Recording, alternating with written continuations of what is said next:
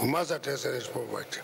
The worst thing that happens in Africa is what I call, uh, you know, sometimes you want to respond to some of these things because people say things they do not know.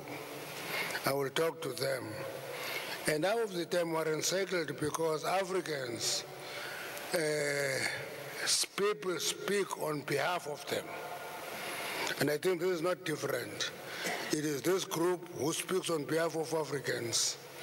And Africans are encircled, they must be conscious of their ideas. We don't think we should allow that. Uh, this is what the delegates of this endeavor must be preoccupied with, which ought to be a measure of whether we are succeeding in our deliberation. Differences about space, scale, and how to balance the transition will always exist. However, as African leaders, we are duty bound to act with determination to resolve the intricate problem that uh, beset our continent without encirclement pressure to please others first. We must be pragmatic in our approach to low emission future and eradication of energy poverty. Mantashe added that renewable energy has limitations, uh, that it is not the only energy source that is going to save us. He says that the continent has a responsibility to invest in coal technology. Energy poverty is one such a dilemma that we must collectively resolve as it impedes Africa's economic growth, resulting in poverty and inequality. This includes lack of access to electricity, unaffordability of energy, and in our case, electricity interruptions, load shedding. That, those are the issues that we must be looking at. Another challenge that uh, not only based on our continent but the world is the climate change that adversely impacts on the health and well-being of the people.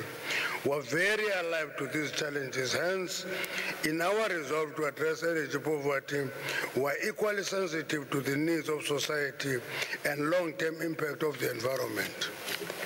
Now, let me make this point. Uh, you know, the Guardia who blocks renewables has done few things. We've released bid window 5, we've released bid window 6, we're going to release bid window 7 now. We've removed any ceiling on embedded generation. It used to be 1 megawatt, we increased it to 100 megawatts, you don't know that. And we moved from 100 megawatts, they said we must move to 1,000 megawatts. We said no, remove the ceiling. We've done. So embedded generation is totally deregulated. And that is blocking renewables because renewable think that is the only thing that came from heaven to save us. And I can tell you that it's not going to save us because it has limitations, it doesn't have base load, it depends on partnering with other technologies to provide sustainable and secure and energy supply and security. So if we understand that, we'll know that actually coal is going to be with us for a long time. And we have a responsibility to invest on coal technology that makes it cleaner and we reduce the emissions, but use what we're uh, endowed with in the, in the country, and that is called coal. The minister also said that it's in the interest of the African continent for African leaders to work together and that a great deal can be achieved in the hydrogen revolution.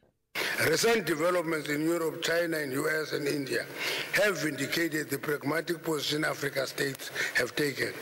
Going to COP28, Africa's position must continue to be pragmatic as we move from high emission to low emissions, not move from coal to renewables. We move from high carbon emission to low carbon emission, and that is what we should be doing. Now, the African continent is well positioned to meaningfully benefit from just energy transition era due to endowment with mineral deposits that are suitable for green energy production. And many of the people who demonstrate here, think that we must not mine because we're tampering with environment. But those minerals are important for movement from uh, high carbon emission to low carbon emission. And we must be allowed to, to mine rare earth minerals, we must be allowed to mine platinum, must be allowed to mine vanadium, must be allowed to mine lithium, and many others. Now, according to National Energy Agency, Africa accounts for uh, over 40% of global reserve of cobalt, manganese, and platinum. Key minerals for battery and hydrogen technologies. South Africa, DRC, and Mozambique have a significant share of production today, but many other countries may hold undiscovered uh, deposits. We believe that it is in the interest of Africa that a rigorous mineral exploration program is implemented to uncover these unknown deposits in many other countries of our continent. For its part, South Africa continues to mobilize uh, investments in exploration, informed by the understanding that it is the lifeblood of mining, which has been backbone of our economy.